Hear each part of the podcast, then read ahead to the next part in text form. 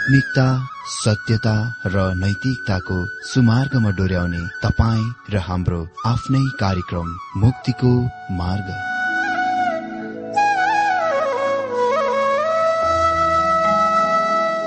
आदरणीय श्रोता यस मुक्तिको मार्ग कार्यक्रममा हार्दिक स्वागत छ।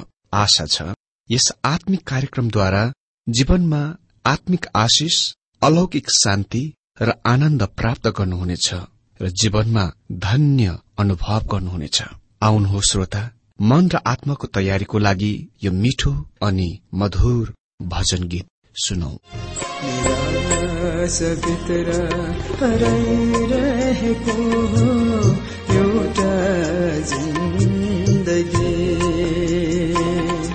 संसारको प्रेममा हराउँदा जाने कस्तो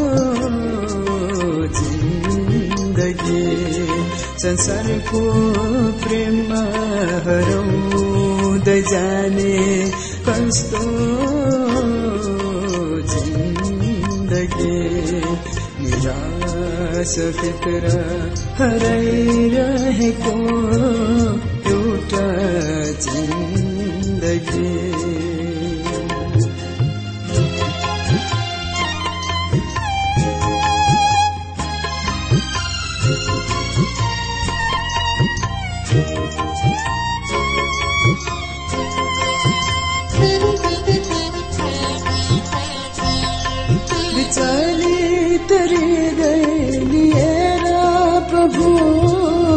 आइरहेछु तिमी कहाँ?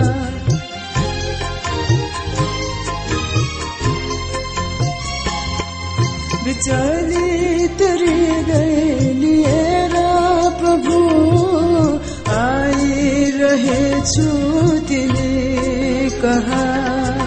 बटेको छातीसँग ल्याए जिउन चाहन्छु प्रभु यहाँ बटेको छातीसँग ल्याए जिउन चाहन्छु प्रभु यहाँ निराश भित्र हराइरहेको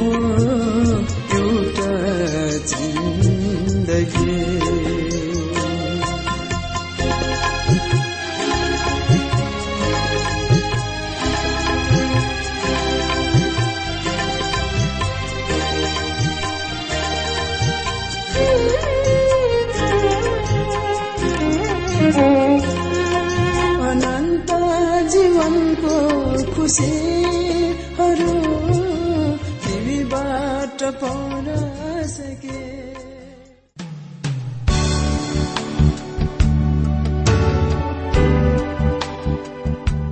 श्रोता यो प्रसारण मार्फत यो अवगत गराउन चाहन्छौ कि प्रभुको सेवाको लागि यहाँहरूको साझेदारी नित्यन्त आवश्यकता छ।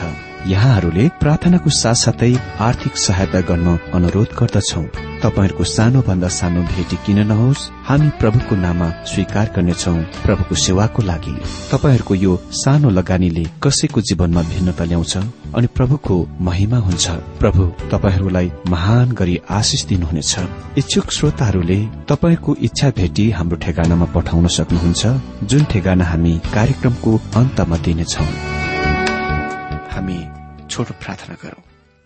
प्रभुजी आज पनि हामी तपाईँको उपस्थितिमा आएका छौं। र प्रभु हामी चाहन्छौ कि हाम्रो यो रित्तो हृदयलाई आफ्नो वचनले भरिदिनुहोस् तपाईँको आत्माको अभिषेक प्रत्येकलाई दिनुहोस् ताकि प्रभु यो जुन समय हामी बिताउन गइरहेका छौं हामी प्रत्येकको निम्ति आशिषको समय हुन सकेको होस्। हामी प्रत्येकले प्रभु तपाईँको वचन बुझ्न सकेका हौं र बुझ्ने मात्र होइन प्रभु त्यसलाई आफ्नो जीवनमा लागू गर्ने पनि हामी हुन सकेका हौं र प्रभु त्यसद्वारा तपाईँ प्रभुको महिमा गर्न सकौं। येशु प्रभुको नाममा यो प्रार्थना माग्छु। आमेन। मित्र अघिल्लो दिनहरूमा हामीले प्रकाश बाह्रधे एकदेखि नौ पदबाट वचन अध्ययन गरिरहेका थियौं जहाँ हामीले देख्यौं महाक्लेश अवधिमा सात व्यक्तित्वहरू। अनि तिनीहरूमध्ये हामीले देख्यौं स्त्री जो इसरायल हो रातो अजिङ्गर जुन शैतान हो र त्यस स्त्रीको बच्चा ख्रिष्ट हो। अनि मिकायल प्रधान स्वर्गीयदूत अजिङ्गरसँग युद्ध गर्छ अनि यस विषयबाट हामीले अघिल्लो दिनमा देखिरहेका थियौं। प्रकाश बाह्रध्य पाँचदेखि नौ पदबाट। आज पनि हामी निरन्तर यस विषयलाई नै जारी राख्नेछौ र आज हाम्रो वचन अध्ययन खण्ड हो प्रकाश बाह्रदे दशदेखि सत्र पद। अघिल्लो दिनमा अध्ययन गरिसकेको वचन खण्डलाई म एकपल्ट पाठ गरिदिन्छु। बाह्रध्य प्रकाश बाह्रध्य पाँचदेखि नौ पदमा यस प्रकार लेखिएको छ। अनि उसले फलामको डण्डा लिएर सारा जातिहरूमाथि शासन गर्ने एउटा छोरो जन्माए। अनि उसको बालक परमेश्वर कहाँ र उहाँको सिंहासनमा उठाइयो। अनि त्यो स्त्री उजाड स्थानभित्र भागी। जहाँ तिनीहरूले उहाँलाई एक हजार दुई सय साठी दिनसम्म पालन पोषण गरून् भनेर त्यहाँ परमेश्वरद्वारा तयार पारिएको एउटा ठाउँ रहेछ। अनि स्वर्गीयमा एउटा लड़ाई भयो। मिकाइल र उनका दूतहरूले अजिङ्गरको विरोधमा लड़ाई गरे अनि अजिङ्गर र त्यसका दूतहरूले लड़ाई गरे। तर जितेनन् न त स्वर्गीयमा अब उसो तिनीहरूको ठाउँ नै पाइयो। अनि त्यो ठूलो अजिङ्गर फ्याँकियो। दियाबोलस र शैतान भनिने त्यो पुरानो साप जसले सारा संसारलाई धोका दिन्छ त्यो पृथ्वीमाथि फ्याँकियो र त्योसँगै त्यसका दूतहरू फ्याँकिए। अमित्र अगाडि फेरि हामी बाह्र अध्याय दसदेखि बाह्र पदमा पढ्छौं।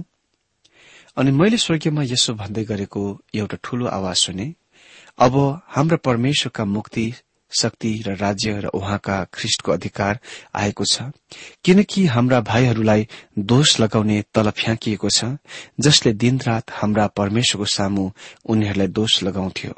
अनि उनीहरूले त्यसलाई थुमाको रगतद्वारा आफ्नै गवाईको वचनद्वारा जिते अनि मृत्युसम्म उनीहरूले आफ्ना प्राणहरूलाई प्रेम गरेनन्। यसकारण हे स्वर्गीयहरू र तिनमा बास गर्नेहरू हो रमाऊ पृथ्वी र समुद्रका बासिन्दाहरूलाई हाय किनकि शैतान रिसले आगो भएर तल तिमीहरू कहाँ आएको छ किनकि त्यससँग समय छोटो छ भनी त्यसलाई थाहा छ। र मैले सुने अ यसले हामीलाई यो कुराको याद दिलाउँछ। युहना अझै यी घटनाहरूका दर्शक र श्रोता हुन्। उसले त्यसको हामीले भूलेको चाहँदैनन्। किनभने यो एकदम महत्वपूर्ण छ। जब शैतानलाई स्वर्गीयबाट फ्याँकिन्दछ यसले स्वर्गीयमा हुने उद्धार पाएकाहरूको बीचमा हर्ष आनन्द ल्याउनेछ। स्वर्गीयमा एउटा ठूलो आवाजले पुरानो नियमका सन्तहरू वा महाक्लेशका सन्तहरूको संकेत गरेको जस्तो देखिन्दछ। जो यस पोइन्ट वा बिन्दुसम्म सहित बनाइएका थिए। प्रकाश छ नौ र दश अनुसार। किनकि हाम्रा भाइहरूलाई दोष लगाउने तल फ्याँकिएको छ। येशु ख्रिष्टको मृत्यु र पुनरुत्थानपछि दुष्टता वा खराबीको विरूद्ध काममा ल्याइएको शक्तिको पहिलो मान प्रदर्शन स्वर्गीयबाट शैतानलाई फ्याँक्नु हो। त्यो आन्दोलनको शुरूआत हो जुनले येशु प्रभुलाई यहाँ शासनहरूको बागडोर लिन अगुवाई गर्दछ। जब ख्रिष्ट क्रुसमा मर्नुभयो उहाँले शैतानको स्वर्गीयबाट फ्याँकिएको बाटो तयार पार्नुभयो। कलसी दुई अध्यय चौध पदमा लेखिएको भाषा सुन्नुहोस्। र हाम्रो नाममा लेखिएको धर्म वेदीको लेख जो हाम्रो विरोधमा थियो मेटाइदिनुभयो र त्यसलाई क्रुसमा ठोकेर उहाँले त्यसलाई बीचबाट हटाइदिनुभयो प्रभु येशुले उहाँको मृत्युद्वारा मानिसको लागि उद्धार पाउन सम्भव बनाउनुभयो परमेश्वरले ख्रिष्टको क्रुसमा पापको ऋणलाई टाङ्नु भएर त्यसको रद्द गरिदिनुभयो। ख्रिस्टको पूरा दाम त्यहाँ तिर्नुभयो। ख्रिस्टले पाउल निरन्तर आफ्नो कथनको जारी राख्छन् कलासी दुईको पन्ध्र पदमा अनि प्रधानहरू र अधिकारहरूलाई हात हतियार रहित पारेर उहाँले तिनीहरूलाई खुलम खुला तमासा बनाइदिनुभयो। र यसैमा उहाँ तिनीहरूमाथि विजयी बन्नुभयो।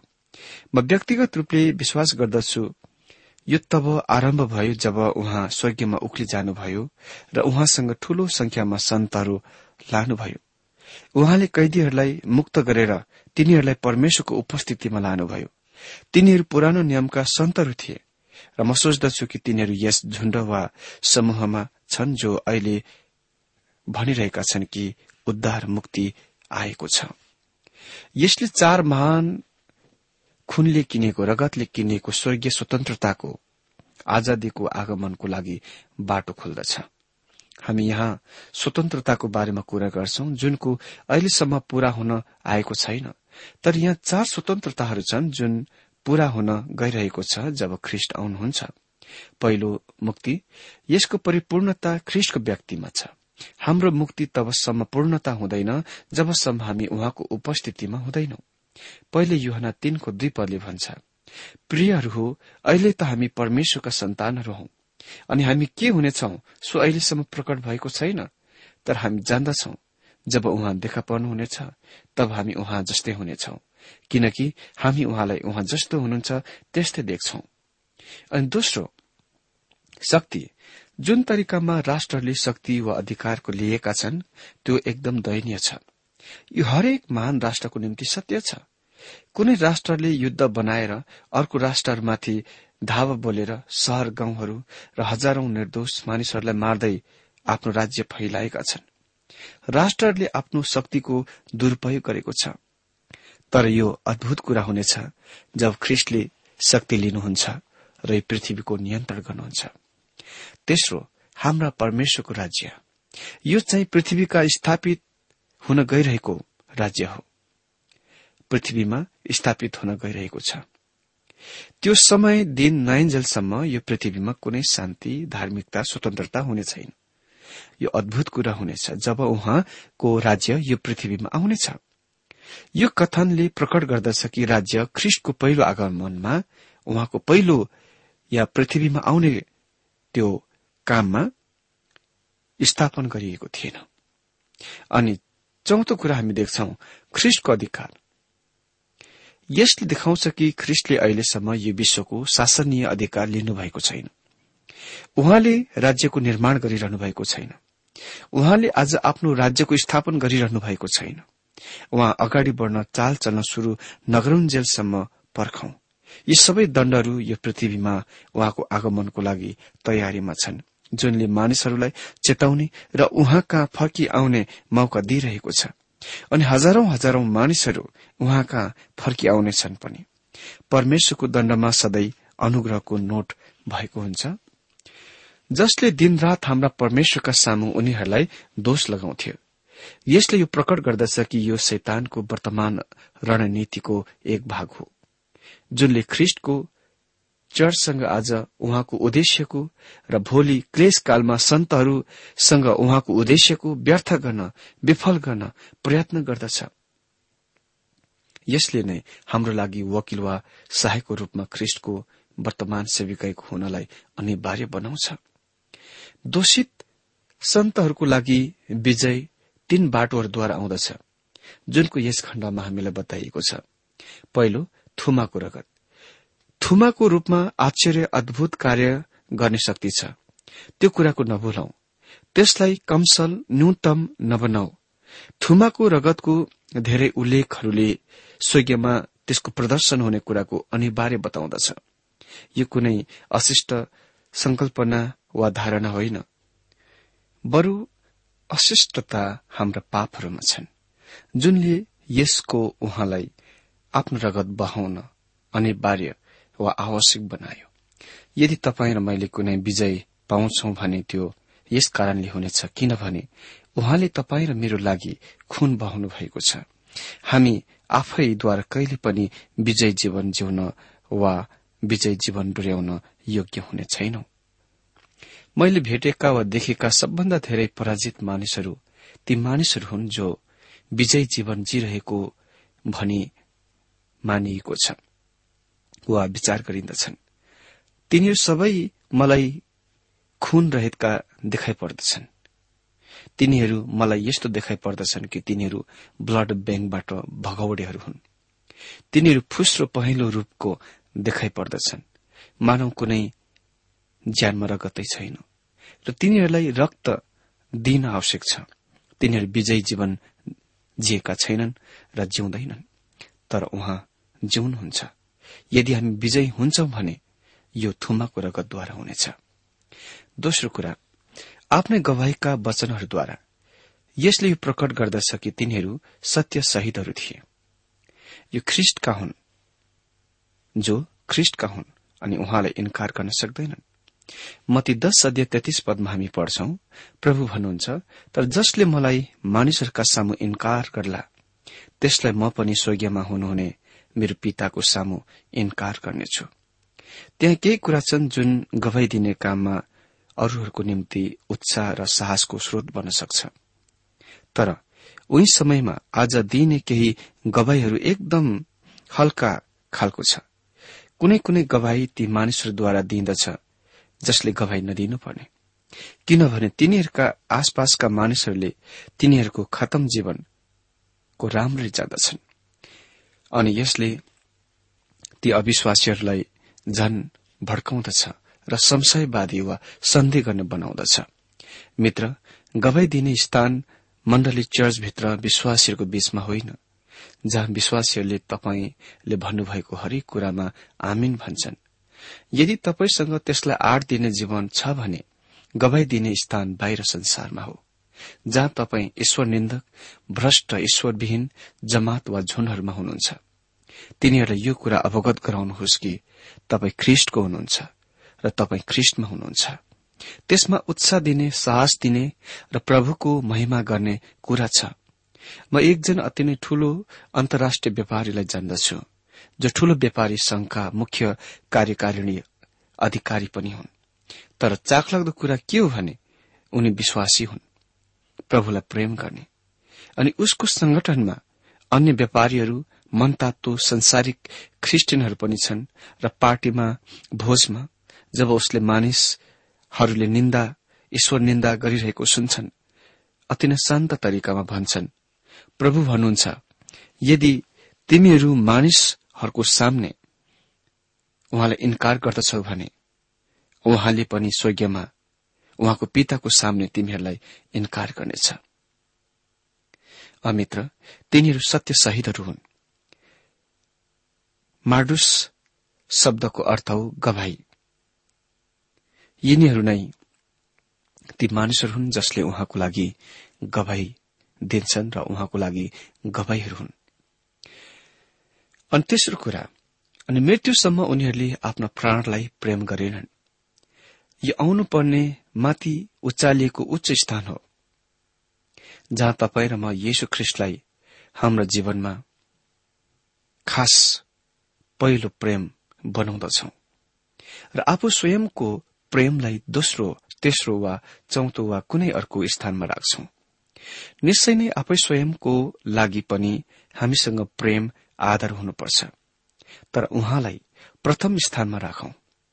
जब हामी उहाँलाई पहिलो स्थानमा राख्छौं हामीसँग यहाँ पृथ्वीमा उहाँको लागि जिउने काममा कुनै समस्या हुने छैन। आज सबभन्दा ठूलो समस्या तपाईँ जिरहनु भएको नियमहरू र व्यवस्थाहरूको सेट होइन तर त्यो हो जुन त्यस नियम वा व्यवस्थाहरूको पछाडि छ। यहाँ नै त्यो कुरा छन् जुन तिनीहरूको पछाडि तपाईँलाई आवश्यक छ। थुमाको रगत तपाईँको गवाईको वचनहरू अनि हरेक कुरा भन्दा धेरै उहाँलाई प्रेम गर्नु। जुन सेवाको खास आधार हो। प्रभु येशुले सिमोन पत्रुसलाई भन्नुभयो के तिमी मलाई प्रेम गर्छौ? जब सिमोन पत्रुसले अन्त्यमा भन्न सके कि तिनी उहाँलाई प्रेम गर्थे? अनि प्रभुले भन्नुभयो म तिमीलाई प्रयोग गर्न गइरहेको छु। तिमी मेरा भेड़ालाई चराउनेछौ। पत्रुसले चर्चमा पहिलो सन्देश प्रचार गरे र उसले धेरै मानिसहरू उद्धार पाएको देखे।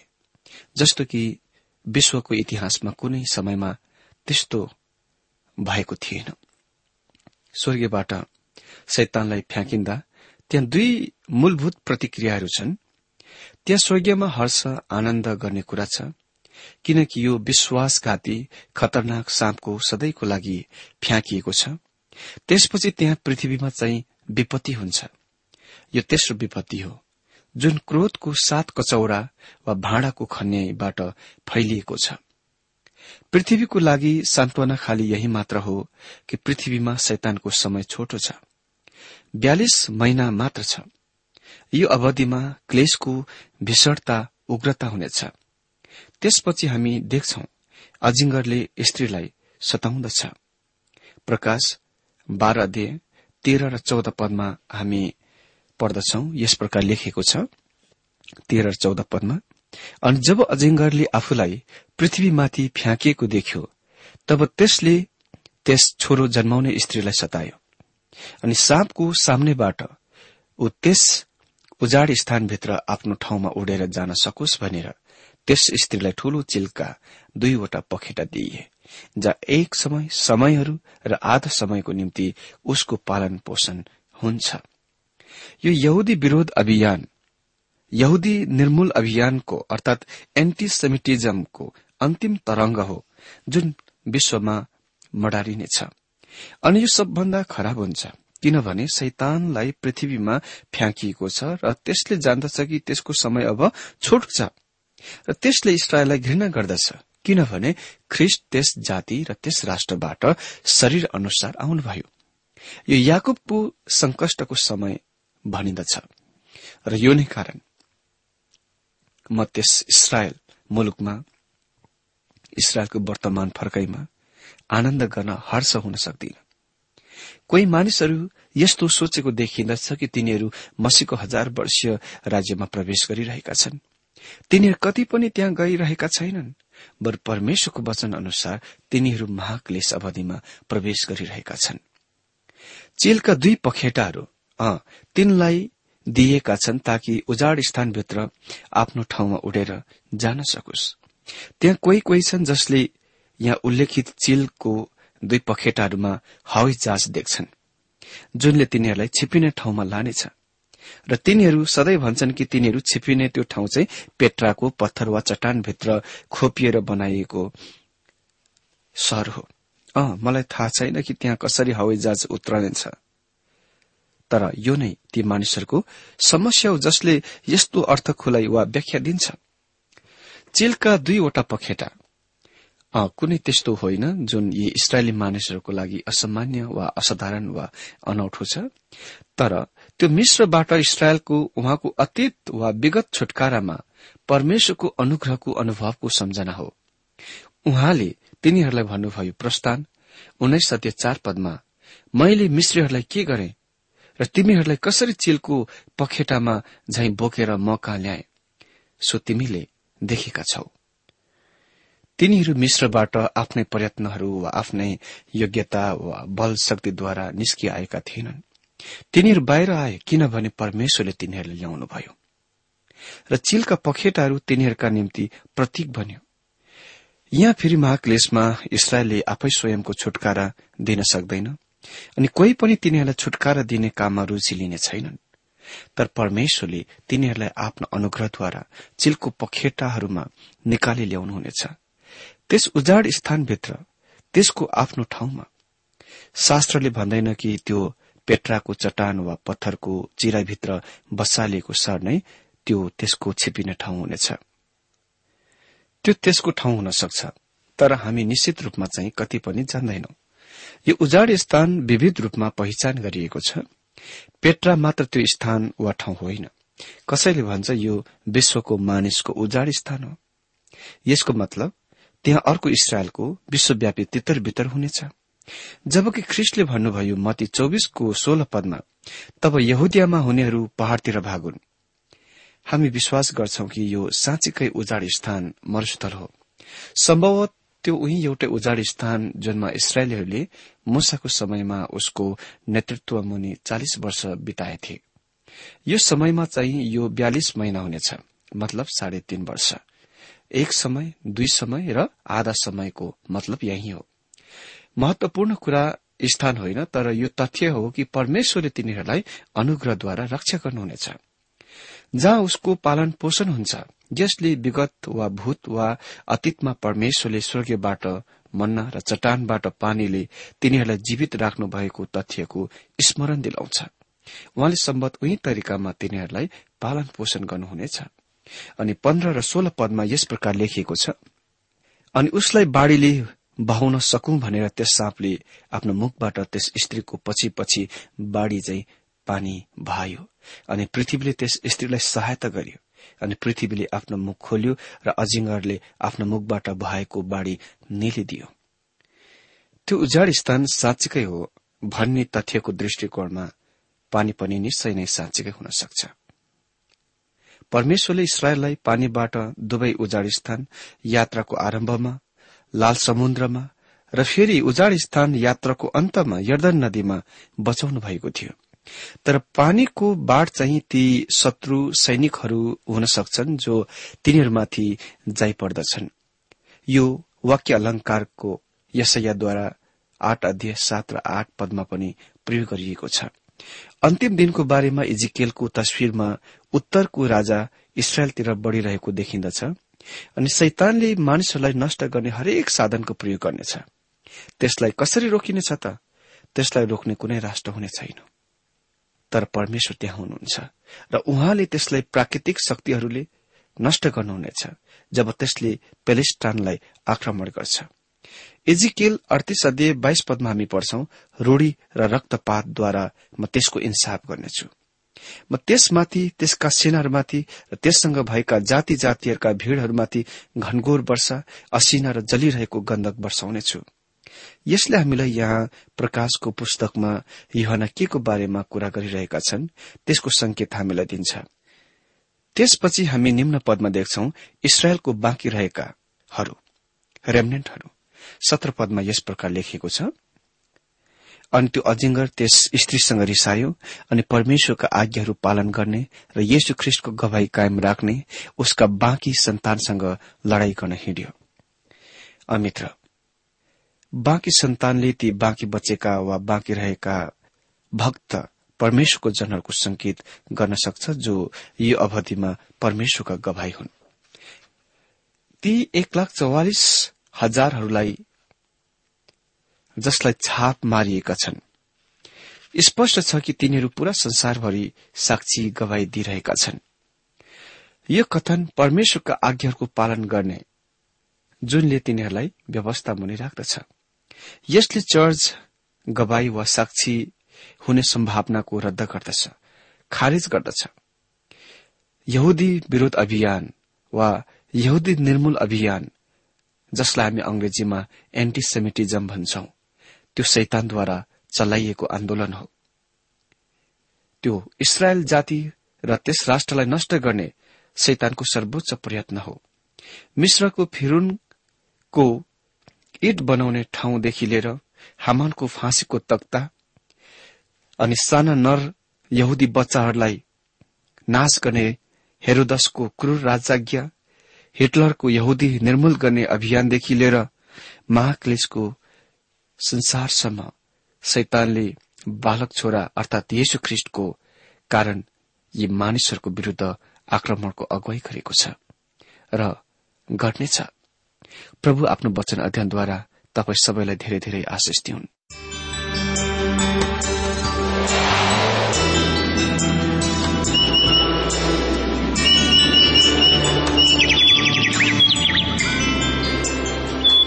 प्रिय श्रोता अहिले भर्खरै तपाईँले टीडब्ल्यूआर नेपालद्वारा संचालित आत्मिक कार्यक्रम मुक्तिको मार्ग सुनिरहनु भएको थियो। श्रोता आजको यो कार्यक्रम सुनेर तपाईँलाई कस्तो लाग्यो? यदि यो कार्यक्रम सुनेर मनमा कुनै खुल्दुली वा कुनै प्रतिक्रिया अर्थात सुझावहरू छन् भने हामीलाई पत्रद्वारा लेख्न सक्नुहुनेछ।